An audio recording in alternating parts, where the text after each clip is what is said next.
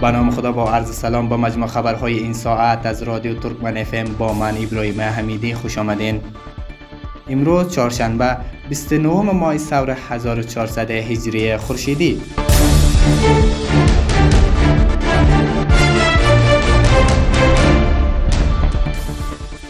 و مناسبت روز جهانی صحت کمپاین اهدای خون به زخم نیروهای امنیتی از طرف اداره محلی جوزجان آغاز شد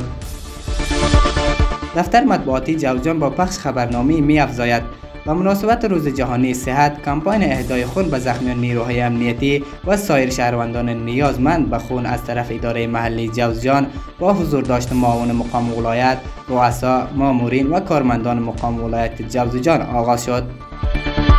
عبدالقادر مالیه معاون مقام ولایت جوزجان گفت به مناسبت روز جهانی صحت کمپین اهدای خون را به زخمیان نیروهای امنیتی و سایر مریضان نیازمند به خون آغاز کردیم و از همه مسئولین ادارات، کارمندان، مامورین و شهروندان شهر شبرغان خواهش مندیم که به پاس احترام خدمات نیروهای امنیتی به کمپاین اهدای خون پیوسته از نیروهای امنیتی شان حمایت کنند.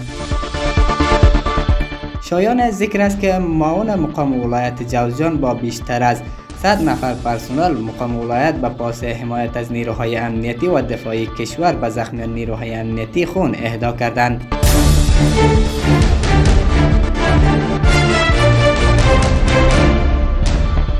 چار پوست امنیتی و در ریسنگلاخ انگلاخ غلصوالی جلریز به دست طالبان سخود کرده است.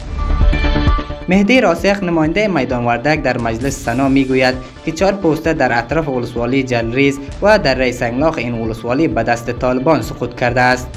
وزارت دفاع ملی در این مورد تاکنون جزئیات نداده است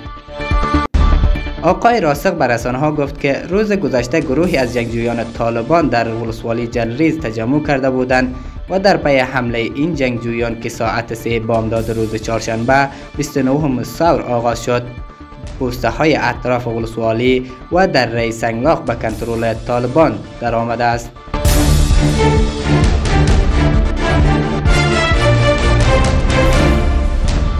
با گفته آقای راسخ در رئی سنگلاخ به صورت کامل به دست طالبان افتاده است.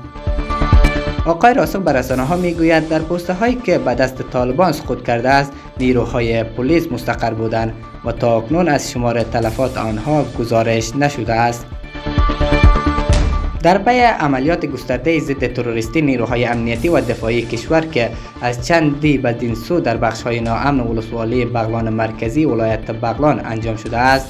و مناطق زیاد این از وجود طالبان پاکسازی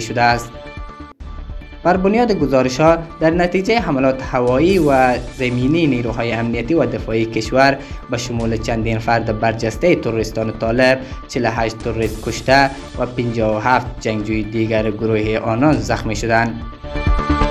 عملیات گسترده نیروهای امنیتی و دفاعی کشور در بخش های ناامن بغلان مرکزی به گونه جدی ادامه و این عملیات تا پاکسازی کامل نقاط آسیب پذیر این ولسوالی ادامه خواهد داشت.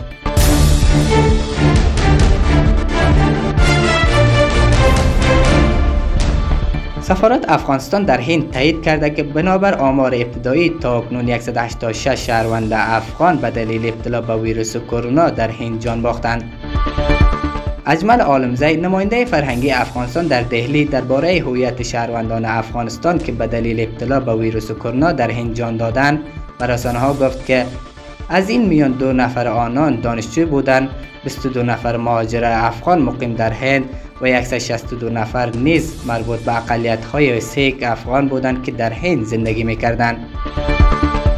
بر اساس آمار سفارت افغانستان بیش از 4000 خانواده افغان در هند زندگی میکنند که ثبت کمیساری عالی پناهندگان سازمان ملل هستند که شمارشان به بیش از 21000 نفر میرسد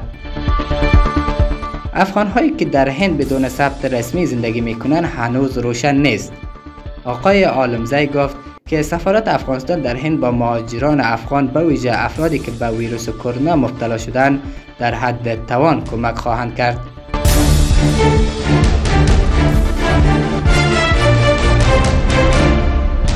یک قماندان مشهور طالبان در ولسوالی چشت شریف ولایت هرات کشته شد.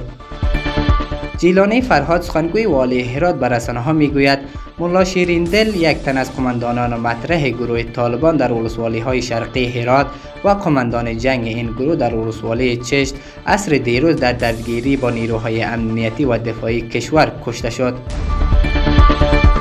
با گفته آقای فرهاد تر ریزی و سازماندهی ده ها حمله گروهی و انفرادی بالای پوسته های امنیتی در ساحات در ری تخت و اول سوال چش توسط ملا شیرین دل صورت گرفته بود.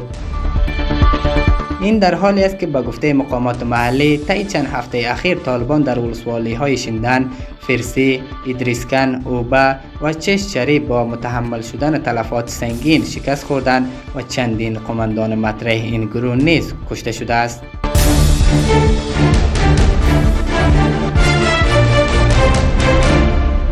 در عملیات نیروهای دفاعی و امنیتی در ولسوالی جیری قندهار 14 طالب کشته شدند.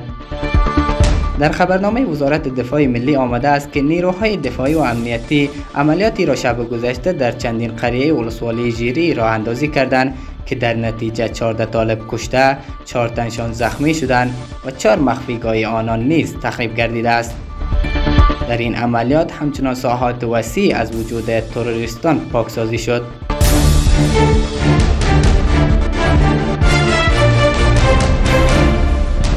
افغانستان در تولید 48 نو کالای مصرفی به خود کفایی رسیده است.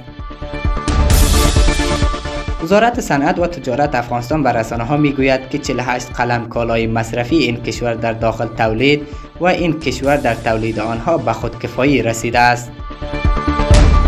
با گفته این وزارت به زودی جلو واردات این محصولات گرفته خواهد شد. این وزارت میگوید افغانستان در تولید 12 محصول دیگر تا اکنون 50 درصد خود کفا شده است. این وزارت گفته که بیشتر مواد خام این کالاها هنوز از خارج وارد می شوند و در داخل افغانستان تولید و بسته بندی می شوند. مقام های وزارت صنعت و تجارت بر رسانه ها میگویند در حال حاضر 50 هزار کارخانه تولیدی در این کشور وجود دارد و این رقم در حال افزایش است. 303 هزار کارگر در این کارخانه ها مشغول کارند. برخی از مواد غذایی، صابون، نوشابه های غیر الکلی، سنگ مرمر و مبل فرنیچر از جمله محصولاتی هستند که به گفته مقامات افغانستان در تولید آنها به خود کفایی رسیده است.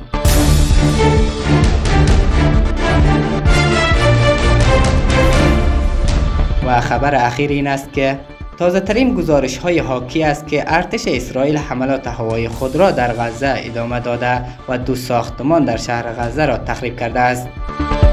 نوار غزه با جمعیت حدود یک میلیون و نو هزار نفر توسط دریای مدیترانه اسرائیل و مصر احاطه شده است.